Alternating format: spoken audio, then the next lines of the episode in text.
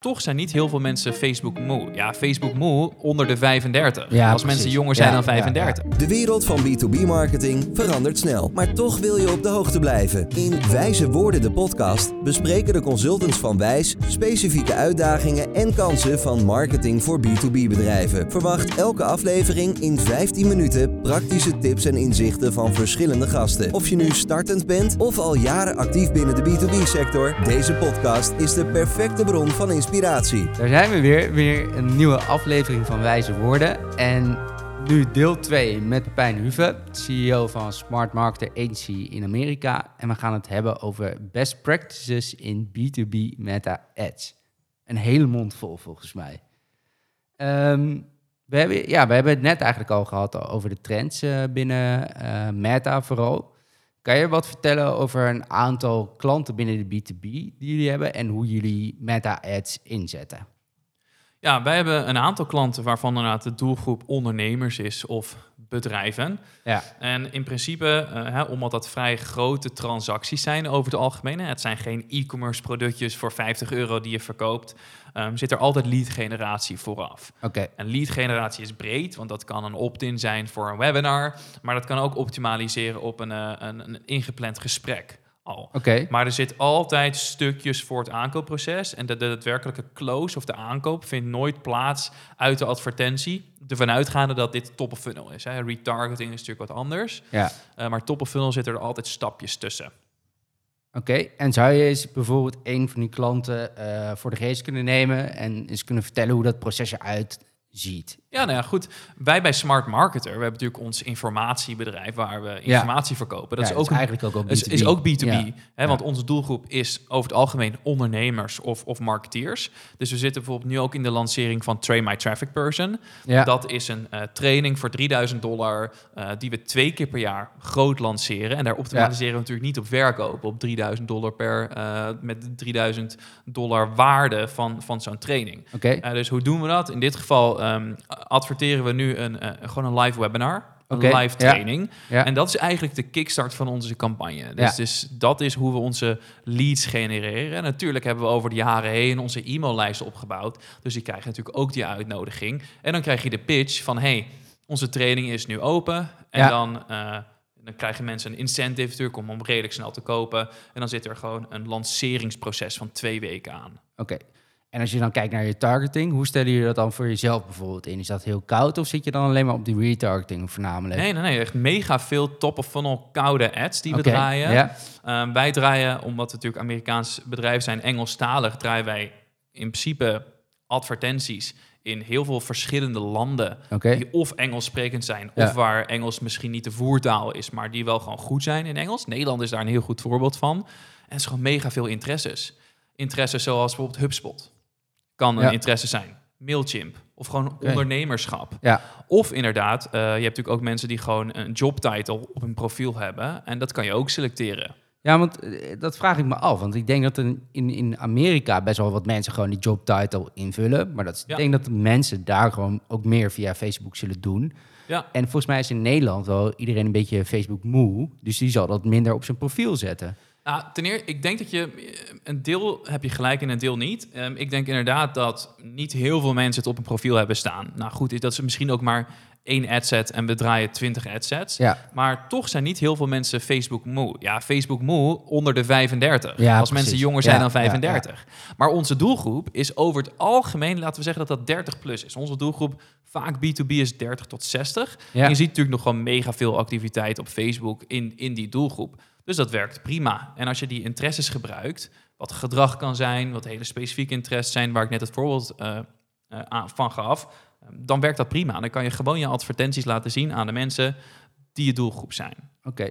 Dus eigenlijk even kort samengevat, die best practice wat jullie doen is die eh, hele orderwaarde, dat voorschotelen aan mensen, dat is gewoon te groot. Dus die 3000 euro. Je kan niet optimaliseren op een verkoop. nee, Nee. dus je doet daar een stapje voor. En Ja. dat is bijvoorbeeld het webinar inschrijven. En vanuit daar gaat dat proces dan lopen. Denk bij jullie van e-mail marketing. Ja, en gewoon een lancering, hè? Ja, En dan gebruiken we natuurlijk nog steeds ads. Er zijn natuurlijk heel veel verschillende manieren. Hè? Je hebt natuurlijk het hele traditionele model ook, waar je een video sales letter, waar je gewoon een soort van evergreen, de, een webinar hebt lopen, Ja. oftewel je hebt een advertentie. Je laat je gegevens achter. Je ziet een video. Ja, en na die video kan, je, je, kan je een strategiegesprek inboeken. Ja, En op dat straat, st- strategiegesprek proberen ze iets te pitchen. oké. En dat is ook een hele traditionele funnel die gewoon hartstikke veel gebruikt wordt. En we hebben nu een hele vergelijkbare funnel lopen voor een van onze klanten die eh, gezondheidsadvies geeft aan ondernemers. Om eigenlijk zoveel mogelijk energie te krijgen, zo vitaal mogelijk te zijn en ook zo sterk mogelijk te zijn. Ja. En zij focussen zich alleen op ondernemers, dus ook echt B2B. En hun funnel is letterlijk dat je, zij sturen het naar een pagina en daar kan je direct, ga je door een vragenlijst heen en dan kan je je direct aanmelden voor een gesprek. Ja. Ehm, en als je je niet aanmeldt voor een gesprek, dan krijg je een lower ticket offer. Dat, maar zelfs die is 1000 dollar om bloedwerk te laten. Dus bloed te laten afnemen om een analyse daarvan te krijgen. Ja. En zij verkopen een pakket van 10.000 dollar met deze funnel. Is moeilijk te schalen, want je Ja. vraagt heel veel van iemand. Hè? Oh, Je vraagt gelijk om iemand te ges- gaan door een lange vragenlijst heen. En je vraagt iemand gelijk om een gesprek in te boeken. Nou, als jij op Facebook of Instagram zit, dan zit je daar niet altijd op te wachten. Maar er zijn dus mensen die dat doen en die funnel werkt. Die Ja. valt niet op te schalen. Dat is moeilijk op te schalen. Nee. We geven ongeveer 100.000 dollar per maand uit. En daar, dat is een beetje het maximum. Omdat er altijd maar een klein groepje van mensen bereid is om die stapje direct te nemen. Maar het werkt wel. En zet je bij die klant dan bijvoorbeeld ook de kracht van herhaling, gewoon retargeting ads in? Of We, we- voor elke klant doen we retargeting. Maar de magie van Facebook ads zit niet in de retargeting, maar zit in het koude. De koude advertenties. Ja, toch wel? Of je dat draaien Ja. kan krijgen. Ja, absoluut. absoluut. en dan is het gewoon op basis van die interesses in ieder geval. ja, mega veel interesse targeting. Ja. Zeker. En als we dan even kijken naar het stukje content, hè, zowel als die klant die je net schetste, als, als bij jullie zelf, zeg maar. Ja. Zit je dan meer op de, de educatieve factor, de entertainment factor? Ehm, kijk, wat, wat wij zelf heel vaak doen is user-generated content uiteindelijk. Ja. Hoe moet ik dat, dat speelveld voor me zien? Ja, wij zien dat UGC heeft wel zijn beste tijd gehad. De traditionele UGC, hè? Die, de traditionele user-generated content waar je een klant hebt die met een, een, een selfie, Ja, iPhone precies, ja. eh, aan het zeggen is hoe fantastisch je product is. Dus wij zien wel dat je moet, wij zien dat je beter moet nadenken, met name over je video's, eh, welke hoeks je daarin gebruikt, welke marketinghoeks. Ja, En de productiewaarde van de video's die wij gebruiken zijn over het algemeen wat groter. Ehm, wat, wat hoger. Dus er zit, er zit gewoon meer tijd, energie en ook vaak wat, wat geld in Ja. om dat gewoon goed te krijgen. Ehm, dat kan educatie zijn, inderdaad. Hè, dat je gewoon Ja. iets interessants vertelt wat mensen nog nooit, hebben, nog nooit eens hebben over gehoord. Of ja, wat een, een, een soort van mythe is, die je dan zeg maar debankt. Dus dan zeg je van, hey, jullie dachten dat bijvoorbeeld ontbijt het belangrijkste, ehm, belangrijkste maaltijd van de dag was. Dat blijkt helemaal niet te zijn, omdat nou, bla bla bla bla. Maar ook gewoon entertainment. Wij draaien nu voor Smart Marketer een ad voor Train My Traffic Person. Waar er een oud videogamepje is gemaakt. Is geëdit door Ja, onze video-editor. Waar, je, waar je Molly, de CEO van Smart Marketer, zeg maar, als videokarakter ziet.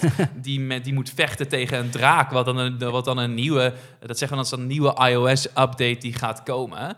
En dat is, eh, dat is een mega goede ad. Die heeft nog genoeg context, maar is heel erg leuk om te zien eigenlijk. ja, maar mensen gaan dat, zich dat herinneren. Ze denken, dat fantastisch. Ja, precies. Maar oké, maar dan uiteindelijk de conclusie is wel van... Als we even kijken naar video en daarop inzoomen... Je hebt dus hele gelikte video's, echt producties die eigenlijk jullie doen... versus eigenlijk uit de hand geschoten video Dat doen we minder nu. Ja, maar je zou denken eigenlijk, omdat het, die mensen die, die scrollen maar een beetje door Meta heen, zeg maar. En Ja. dan valt die, die gelikte video toch meer op uiteindelijk. Nou ja, kijk, het is een beetje shifts. Hè. Het zijn verschillende. Het is een beetje zoals mode. Ehm, soms is ehm, een andere stijl video in de mode dan, dan, dan, dan nu. Hè. De afgelopen zes jaar, denk ik, met name in Amerika, was iedereen UGC aan het draaien. Ieder, Ja. Iedereen was zeg maar een soort van ja, eh, simpele videocontent aan het draaien. Precies. En nu zie je gewoon dat mensen daar worden wel daar een beetje moe van. Dus de mode is nu aan het gaan naar gewoon iets beter doordachte video's met hogere productiewaarde ook. Ja. Betekent helemaal niet dat het 100.000 euro moet zijn per video. Absoluut niet. Maar er is beter over nagedacht. De kwaliteit is ook hoger. En Ja. Ik denk ook wel dat gewoon consumenten überhaupt, ehm, wie dat dan ook is, of dat een bedrijf is of, of, of niet, zijn aan het wennen aan hogere kwaliteit productie. Ja, kijk, je moet er tussenuit springen. Dus dat kan alleen maar, zeg maar, door een doordachte video die er gelikt uitziet, beter geëdit eh, te doen. Ja. Dus eh, Ja, Ja, en Ja. mensen moeten niet onderschatten wat één goede video kan doen voor je business. Ja, Wij geloven echt, als je één goede video hebt met een funnel, dat kan, dat kan gigantisch veel impact hebben. ja, Ehm, ehm, natuurlijk afhankelijk van hoe groot je doelgroep is en waar je adverteert. Maar met name in eh, onze doelgroep in Amerika, één goede video kan voor honderdduizenden dollars aan omzet genereren. ja. Als Ja, we die goed bizar, inzetten. Ja, ja. Ehm, dus oké, als jij, laten we zeggen, laten, je, je creëert één video. Je, je gaat ervan uit dat die misschien een half miljoen aan omzet gaat genereren. Hoeveel zou je uitgeven aan de investering in de Ja, video? precies. Nou, daar kan je best wel goed in investeren. Ja, maar dat is natuurlijk een beetje een zwart gat voor de meeste mensen. Omdat Tuurlijk. ze niet die stap zeg maar, naar echt videoproductie willen maken. Ja, dus dat ga je langzaam opbouwen. Je Ja. gaat kijken wat werkt. Precies. Ehm, en op basis daarvan ga je kijken, oeh, oké, hoe kan ik dat slim doen? Want als je een goede video opneemt met goede hooks, met goede marketing, met alleen een iPhone, dat kan nog steeds, hè? Ja, Je telefoon geeft natuurlijk mega hoge kwaliteit. ja. Uh, ja dus, dus het je neemt kleine stapjes. Je Precies. start daar niet mee. Nee, oké. Oké, nou dan wil ik nog even twee onderwerpen eh, aansnijden. En één is eigenlijk de lookalike eh, doelgroepen in Meta. Eh, als je begint met B2B ads uiteindelijk en je draait eerst een campagne bijvoorbeeld op conversie of je hebt al een klantenlijst ingeladen, Ja. zou je lookalike dan aanraden? Nou, ik zou het, je kan het testen, maar wij Ja. zien dat de, de, de effectiviteit van lookalike audiences is wel heel erg achteruit gegaan naar die update een paar jaar geleden. Ja. We zien dat het een beetje terugkomt. Dus ik denk ongeveer 10%, misschien Ja. 5% van onze campagnes testen wij een lookalike. En dat kan werken. Maar als ik, ik zou als eerst met interesse starten. precies. Of als je Ja. vijf interesse doelgroepen hebt, dat je één lookalike test. Check. Helder. En ik ben een B2B bedrijf en ik wil starten met Meta ads. Wat zouden de eerste paar stappen moeten zijn voor mij? Ja, het eerste wat ik zou doen is denk ik een, ehm, het, het meest laagdrempelige is natuurlijk iets als een whitepaper en zo, maar ik geloof daar niet zo heel erg meer Nee, in om heel erg eerlijk te zijn.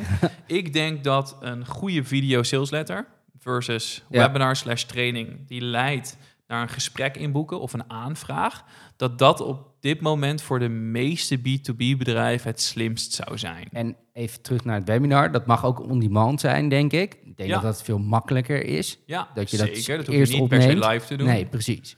Maar daar zou ik mee starten. Want Ja. dan, dan ga, je gewoon naar de, ga je gewoon naar de cijfers kijken. precies. Wat kost het me Ja. om iemand zich te laten inschrijven voor zo'n video, voor zo'n on-demand webinar? Ja. Wat kost het me om iemand eh, eh, een gesprek te laten aanvragen? Wat kost het me om daadwerkelijk met iemand te praten? Want je krijgt daar een drop-off in. En dan ga je gewoon kijken, wat is mijn closing percentage op die calls? Ja, Nou, dan heb je gewoon een paar kolommetjes in Excel. En dan kan je vrij goed kan je gewoon zien... oké, nou wat kan ik nou eigenlijk betalen voor een lead? ja, Dan ja. kan je daar, daar gewoon, dat kan je gewoon optimaliseren. Nice. Rond verhaal, denk ik. We kunnen gaan starten. Ik ga in ieder geval aan de slag met al deze tips. Eh, ook voor onze klanten. Thanks in ieder geval. En eh, misschien eh, zien we je nog wel terug. Graag gedaan. Oké.